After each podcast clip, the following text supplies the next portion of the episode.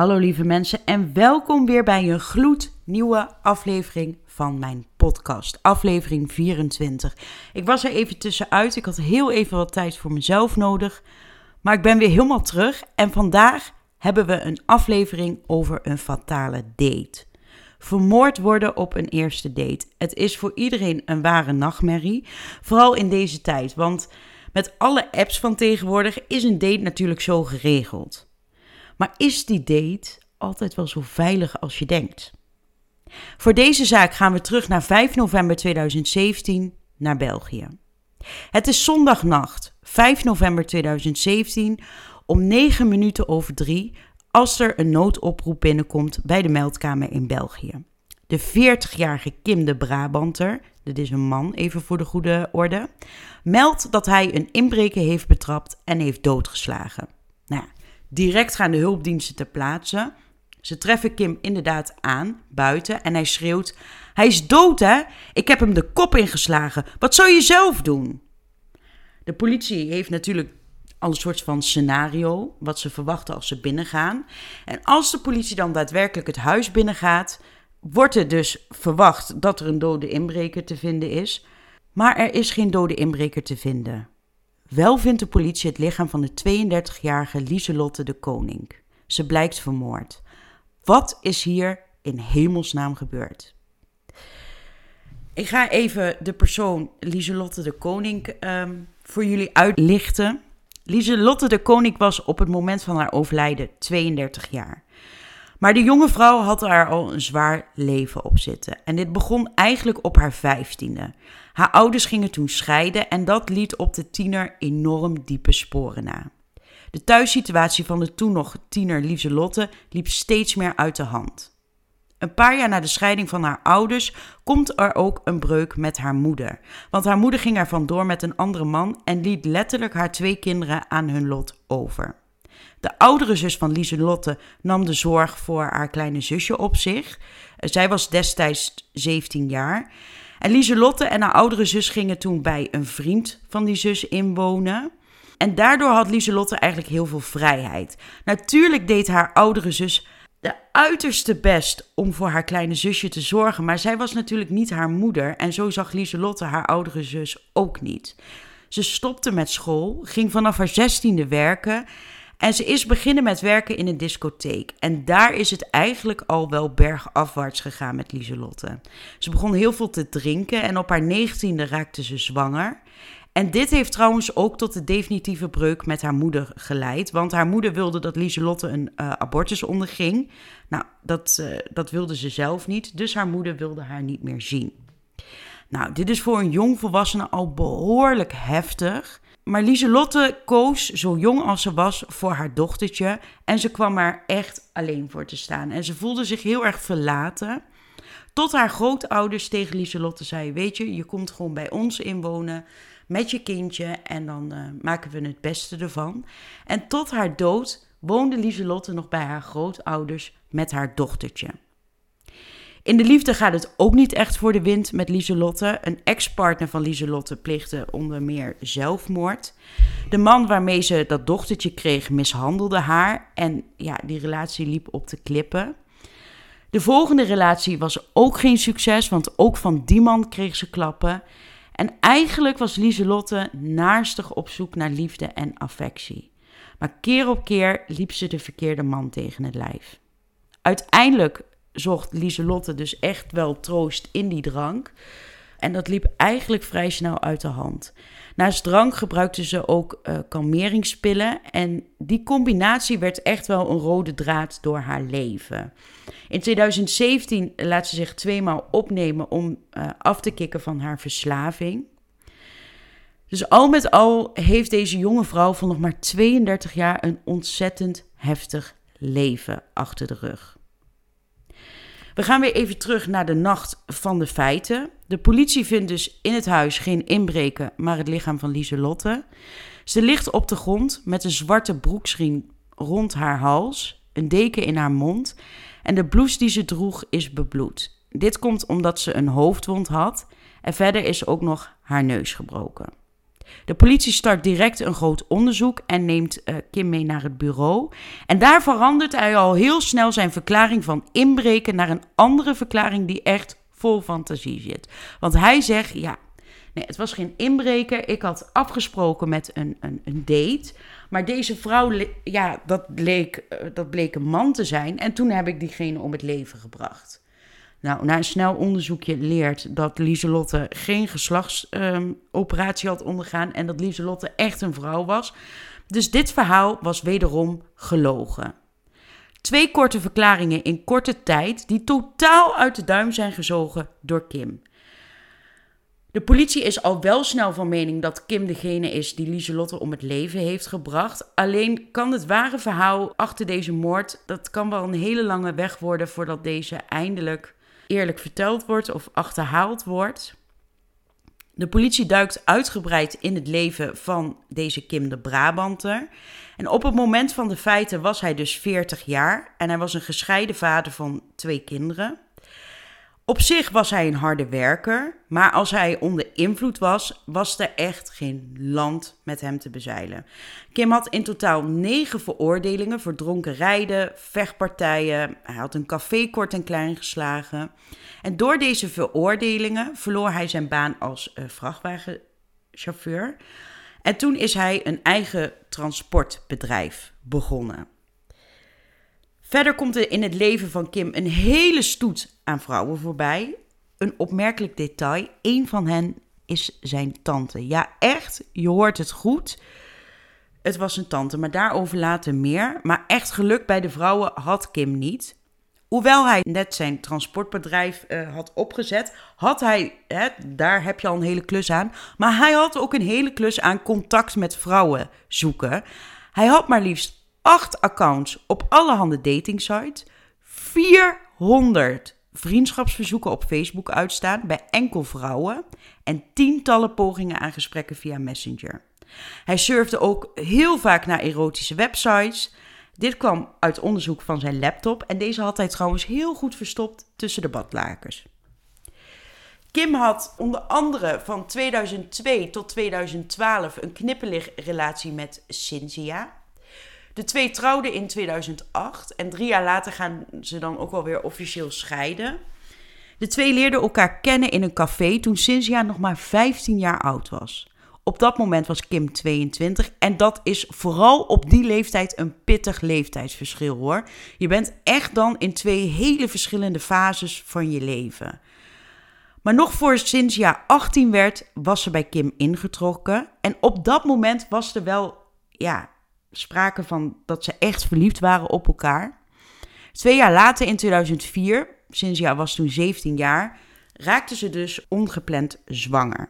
En Kim was daar op zijn zachts gezegd niet blij mee. Hij heeft zelfs dat meisje gepusht tot abortus, maar dat wilde ze niet. De twee gaan een tijdje uit elkaar. En als Cynthia dan hoogzwanger is, brengt Kim ineens uit het niks een onverwachts bezoekje aan zijn ex. En het lijkt net een soap, maar op dat moment breken dus de vliezen van Cynthia. De ouders van het meisje brengen haar naar het ziekenhuis met Kim wel in hun kielzog. Hij was niet in dezelfde ruimte bij de bevalling, maar hij was wel in het ziekenhuis. En hij is s'nachts ook gebleven. En het leek een soort van berusting bij Kim dat hij dus nu echt vader wordt. De twee kregen toen een zoon. En dat heeft Kim en Cynthia echt wel weer bij elkaar gebracht. Een jaar later wordt er dan ook nog een dochter geboren. Maar in 2009 gingen de twee toch weer uit elkaar. Kim de Brabanter had zich intussen ontwikkeld als een soort haantje. Hij was echt een macho, reed in patserwagens. Zo had hij een BMW met kogelwerend glas. Um, ja, samen met een vriend kon hij ook uren sleutelen in zijn garage internat. En het is dan 2009 als hij officieel een jaar getrouwd is met Cynthia. Hij heeft twee kinderen op dat moment. En tijdens die uren sleutelen aan die wagen ontmoet hij Evie. En zo wispelturig als Kim is, kiest hij voor Evie en verlaat hij Cynthia en de kinderen. Hoewel je misschien niet kan spreken dat Kim zo'n perfecte vader is, maar daarover vertel ik je later nog wel meer. Maar van een hele liefdevolle relatie uh, met Evie was eigenlijk ook geen sprake. Hij maakte Evie eigenlijk bijna direct zwanger. Nou, Kim zat daar niet op te wachten. En toen Evie vijf maanden zwanger was, maakte hij de relatie dan ook uit en is hij weer teruggegaan naar Cynthia. Kim is op dat moment niet eerlijk over de reden van de breuk met Evie. Um, hij vertelt niet dat hij eh, dat kind niet wil en dat Evie zwanger is. Hij vertelt aan iedereen die het maar wilde horen dat Evie hem bedrogen had. Maar in werkelijkheid wilde Kim die zwangerschap gewoon niet. Hij wilde een relatie met Evie zonder kinderen. De situatie loopt uit de hand als Evie ruim zeven maanden zwanger is. Kim wilde Evie uit de weg ruimen. Het is een geluk dat de vader van Evie tussen beiden kon komen, anders was het echt gruwelijk misgelopen. Na dit incident bazuinde Kim overal rond dat hij niet de vader was van het ongeboren kind. Terwijl Kim degene was die constant vreemd ging in de korte tijd dat Evie en Kim samen waren. Hij draaide de rollen dus compleet om. Ondertussen regelden Cynthia en Kim een co-ouderschap. De band met zijn zoon was beter dan met zijn dochter. En in 2012 volgde dan een verzoening tussen Cynthia en Kim. Het gezin verhuisd naar een andere plek, een nieuwe start. Misschien vonden ze daar hun geluk, want ze kwamen wel elke keer bij elkaar terug. Maar ook deze poging duurt niet lang, want Kim besluit een relatie te nemen met tante Betty. Het gedrag van Kim begon steeds zorgelijker te worden. Hij dronk veel en in deze periode zag Kim zijn kinderen ook niet. De kinderen zelf vonden dat natuurlijk ontzettend moeilijk. Tante Betty, ongeveer 10 jaar ouder als Kim, was getrouwd met een oom van Kim. Maar in 2014 werd tante Betty verliefd op Kim en uh, dat was ook wederzijds. Ook de gedeelde liefde voor de drank. Betty verklaart dat Kim lief was totdat hij gedronken had. De twee zagen elkaar altijd in het weekend en dan dronken ze heel veel samen. Dan werd Kim altijd heel vervelend van dat zuigende, dronken gedrag. Betty wist dan dat ze beter kon gaan, want het was namelijk meer dan eens uit de hand gelopen tussen beiden. Zelf had ze nooit de politie gebeld, verklaart ze, haar moeder wel, want zo heeft Kim tante Betty meer dan eens geprobeerd bijvoorbeeld een kopstoot te geven. Toen tante Betty opkrabbelde uit haar slechte periode in het leven, van haar verslaving afkwam, realiseerde dat ze geen goede combinatie was dat die relatie niet goed was en heeft ze dus een eind gemaakt aan die relatie. Kim gaf niet zo snel op, want tussen augustus en november heeft Kim meer dan 2800 keer geprobeerd om tante Betty te bellen en te berichten. Uiteindelijk heeft ze hem dan geblokkeerd. Uit de verklaring van Kim bij de politie komt het volgende naar voren. Want de politie die verhoort Kim natuurlijk en uiteindelijk komt hij met de volgende verklaring. Op 4 november 2017 ging Kim Lieselotte voor het eerst ophalen. Het was zijn eerste date. De twee hadden elkaar nog nooit ontmoet. Ze hadden enkel gechat met elkaar. Kim haalde Lieselotte op bij haar opa en oma in Brakel. Het was ongeveer half elf s'avonds en de bedoeling volgens Kim was dat ze zou blijven slapen omdat ze uh, kleding bij zich had. Ze gingen samen naar de discotheek en dit was eigenlijk een beetje tegen de zin in van Kim. Ja, hij zag hier niet zoveel in, maar toch ging hij mee. Lieselotte kleedde zich uh, om voordat ze naar binnen ging. Dat deed ze in de auto van Kim. En in de discotheek filmden camera's hoe de twee flink aan de drank geslagen waren. Ze dronken wodka Red Bull. Er werd gezoend en Kim zit aan de borsten van Lieselotte. Dat is allemaal te zien. Maar er wordt ook gezien op beelden dat Lieselotte uitbundig staat te dansen met andere mannen. Ja, weet je, ze had ook niks met Kim, hè? Na anderhalf uur en 200 euro te hebben uitgegeven, vertrekken de twee samen. Dit zou op initiatief van Kim zijn en de twee gingen dus naar zijn huis. Beiden zijn wat aangeschoten en volgens Kim is hij als eerste naar binnen gegaan om de hond rustig te houden. Uh, Kim had een Mechelse herder en deze honden zijn nogal enthousiast. Toen Lieselotte eenmaal binnen was, is ze op het aanrecht gaan zitten en heeft haar schoenen uitgetrokken en daarna hebben de twee innig gezoend. Hierna uh, beginnen de verklaringen een beetje op zijn zachts gezegd raar te worden. Want daar in die keuken na het zoenen begint de eerste discussie. En deze ging over haar extensions. Want Kim vond dat deze te dicht bij de hoofdhuis zaten. Ja, echt waar die kerel een discussie over kan maken. Lieselotte zou op haar beurt dat hebben weggelachen en uiteindelijk belanden de twee op de bank. Ehm, Kim verklaart dat hij in slaap is gevallen en een paar uur later begint dan de hond te blaffen. En beide schrikken wakker, stonden op. Volgens Kim verbood Lieselotte hem om naar de hond te gaan kijken. Er zou een schermutseling zijn ontstaan. Beide belanden op de grond. Lieselotte schreeuwt. En de reactie van Kim was om haar keel dicht te drukken. Hij geeft haar ook één of twee kopstoten. Hij breekt meerdere ribben. En omdat ze uit haar mond begon te bloeden, stopte Kim ook nog een stuk deken in haar mond. En rond haar nek zat een broeksriem. Maar hoe deze daar terecht is gekomen, dat weet Kim niet meer. Maar hij zegt: Ik heb die zeker niet om haar hals gebonden. Na onderzoek blijkt dat Lieselotte om vijf over half vier s'nachts is doodverklaard. Dat ze 3,31 promil alcohol in haar bloed had en een hoge dosis kalmeringspillen. Ook had Kim een hoog percentage alcohol in zijn bloed, namelijk 2,73 promil. De politie uh, onderwerpt Kim de Brabander op 16 mei 2019 aan een leugendetectortest. Wat opvallend is, is dat op de vraag of hij de broeksriem rondom de hals van Lieselotte heeft gebonden, dat daar een leugenachtige reactie op volgde. De vraag werd in die test drie keer gesteld en op alle drie de keren scoorde hij slecht. Volgens, volgens het rapport trok zijn uh, bloed uit zijn vingers weg en dit kun je niet beïnvloeden. In totaal wordt Kim zeven keer verhoord, maar in al deze verhoren komt er geen woord van spijt richting het slachtoffer of de familie van Lieselotte. Kim uh, vindt het alleen maar erg voor zichzelf, omdat hij alles is kwijtgeraakt. De politie merkt al heel snel in het onderzoek dat de verklaringen van Kim echt aan alle kanten rammelen. Zo verklaart Kim dat Lieselotte degene was die hem die avond contacteerde, maar dit was andersom. Uit het autopsierapport komen de volgende feiten naar voren.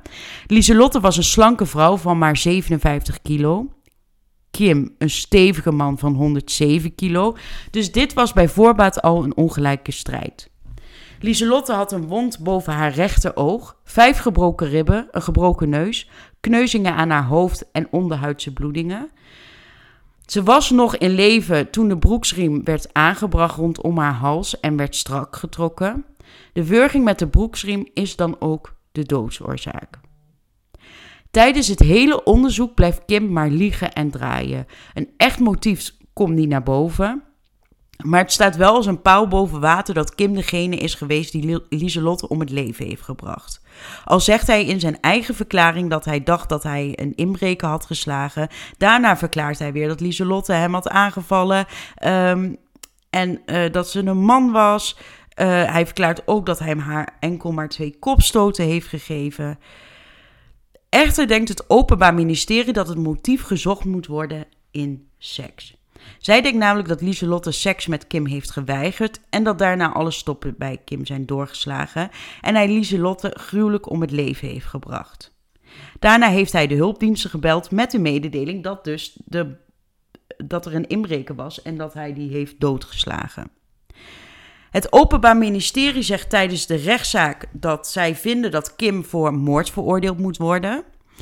Het blijft natuurlijk ontzettend triest voor de nabestaanden dat zij nooit weten wat er in die paar uur na het stappen heeft afgespeeld in het huis van Kim. Hij liegt er alleen maar over en het is onmogelijk om precies erachter te komen wat er is gebeurd in dat huis.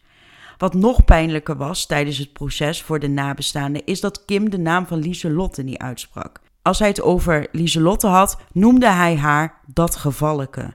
Nou, dat is zo neerbuigend. Dat getuigt van zo weinig respect voor het slachtoffer. Ik snap dat de zus van Lieselotte op een bepaald moment die rechtszaal is uitgegaan. Als hij niet eens gewoon met respect de naam van degene kan uitspreken wie hij om het leven heeft gebracht. Nee, hij noemt haar gevalleke. Ja, dat is zo verschrikkelijk. De volksjury vindt dat er sprake is van doodslag. Het Hof moet beslissen over de hoogte van de straf en zij houden rekening met de narcistische en egocentrische persoonlijkheid van Kim. Ze leggen hem 25 jaar cel op. Hij heeft het laatste woord en hierin zegt hij het volgende en dat ga ik even citeren. Goedemorgen. Ik sta hier terecht voor wat bijna drie jaar geleden is gebeurd. Ik kan, er nog, ik kan het nog altijd niet bevatten. ik schaam mij en dat zal altijd zo blijven. Naar de familie toe wil ik mij oprecht verontschuldigen. De avond had nooit zo mogen eindigen. Dit heb ik niet gewild. Aan deze woorden hebben jullie misschien niet veel, maar ik wens veel sterkte aan de nabestaanden en de families toe. Ja, ik vind dit een beetje een moeilijk stukje, sorry. Want aan het eind zegt hij dit wel. Hij heeft het laatste woord. Ik, weet, ik denk niet dat hij daar heel veel van meent. Want als je zijn opstelling in de hele rechtszaal, in de hele rechtszaak ziet, heeft hij totaal geen respect voor wie dan ook. Nou zou je denken, oké, dit was het, 25 jaar cel, daar horen we niks meer van.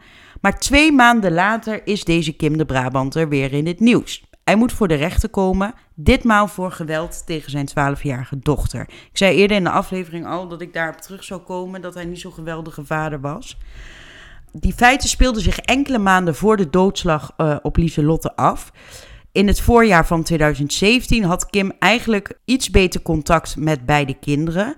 Zijn zoon en zijn dochter waren ook wel graag bij hem. En in het laatste weekend van maart dat jaar vroegen ze ook aan hun moeder Cynthia of ze een nachtje langer bij Kim mochten blijven. Maar Kim kon het blijkbaar niet uithouden om dan hè, niet te drinken of minder te drinken. En hij begon dat weekend waar zijn kinderen bij waren dus te drinken. En we weten allemaal, als Kim gaat drinken, gaan alle alarmbellen af. Zo ook dus dat weekend. Kim dronk. Hij kreeg ruzie met zijn kinderen. Zijn dochter belde naar haar moeder op om hen te komen ophalen. En Kim gaf als antwoord zijn 12-jarige dochter enkele klappen en een kopstoot. Nou ja, het dochtertje begon natuurlijk te huilen en Kim lachte gewoon dat meisje uit. Zijn zoontje was getuige van dit alles en het arme kind getuigde dat wanneer zijn vader gedronken had, zijn eigen krachten niet kende. Een kind hoort niet te getuigen en al helemaal niet over zijn eigen vader. En eigenlijk zit er in die verklaring ook direct het schrijnende. Want als je goed tussen de zinnen doorluistert, neemt het kind ook nog zijn vader half in bescherming. En dat snap ik, want dat is loyaliteit als kind voor een ouder. En dat gaat bij een kind altijd heel ver. Zo werkt dat nou eenmaal. Maar dat is natuurlijk dubbel schrijnend. Dat zijn zoontje alles heeft gezien, moet getuigen tegen zijn vader, maar ergens ook nog loyaliteit voelt. Maar Kim stond niet alleen voor dit incident voor de rechter. Er was ook nog een incident met een mes. Dit gebeurde in diezelfde periode. De kinderen waren in de badkamer en Kim ging doodleuk met een mes naar boven, naar die badkamer en zei tegen de kinderen: Wie moet ik steken? Nou, en toen ik dit las, viel echt mijn mond open. Hoe kun je dit als vader doen? Hoe kun je je eigen kinderen zo de stuipen op het lijf jagen? Maar goed, tante Betsy was toen nog net zijn vriendin. Dat was net, dat ging bijna uit. Zij kwam te, toen uh, tussen Kim en de kinderen en raakte daarbij ook echt wel gewond aan haar hand. En destijds verklaarde Betty dat dit uh, om een ongeluk ging, maar de politie denkt dat tante Betty niet eerlijk was omdat ze bang was voor Kim. Ik bedoel, ja, je zou bang voor minder zijn. Hij gaat gewoon tegenover zijn kinderen staan met een mes. Wie zou ik als eerst steken? Dan ben je helemaal koekoek hoor. Het Openbaar Ministerie wil graag dat uh, Kim een symbolische straf van zes maanden kreeg. Dit omdat uh, Kim natuurlijk al 25 jaar zit voor de moord op Lieselotte. Maar het Openbaar Ministerie wilde graag dat die dochter van Kim zich gehoord en gezien voelt. Maar de rechter beslist dat de feiten eigenlijk passen in de lijn van de veroordeling enkele maanden geleden voor de moord op Lieselotte. Dus hij krijgt geen extra straf erbij. En dat vind ik wel heel triest voor het dochtertje van. Uh, van Kim. Want ook al is het zes maanden, dan voelt dat kind zich gehoord en gezien dat, dat wat haar vader heeft gedaan, dat dat niet mag. En ook al is het maar een symbolische straf, dat is alles beter dan geen straf. Dit was de aflevering voor deze week. Wil je nou extra beeldmateriaal zien? Neem dan een kijkje op mijn Instagram, Moord in de Laag Landen. Ik zal ook een linkje in de afleveringbeschrijving zetten. Mocht je nou een tip hebben, een verhaal hebben waar ik echt iets mee moet, kun je mij mailen. info.wmvpodcast. Je kunt me ook een appje sturen. In de bio van mijn Instagram zit het bijbehorende nummer onder het kopje contact. En daar is ook mijn e-mailadres te vinden. Doe dat. Als je tips hebt, je wil iets kwijt, je wil een verhaal delen. Doe dat, want dat vind ik ontzettend leuk. En zo maken we samen de podcast. Bedankt voor het luisteren en tot volgende week, lieve mensen.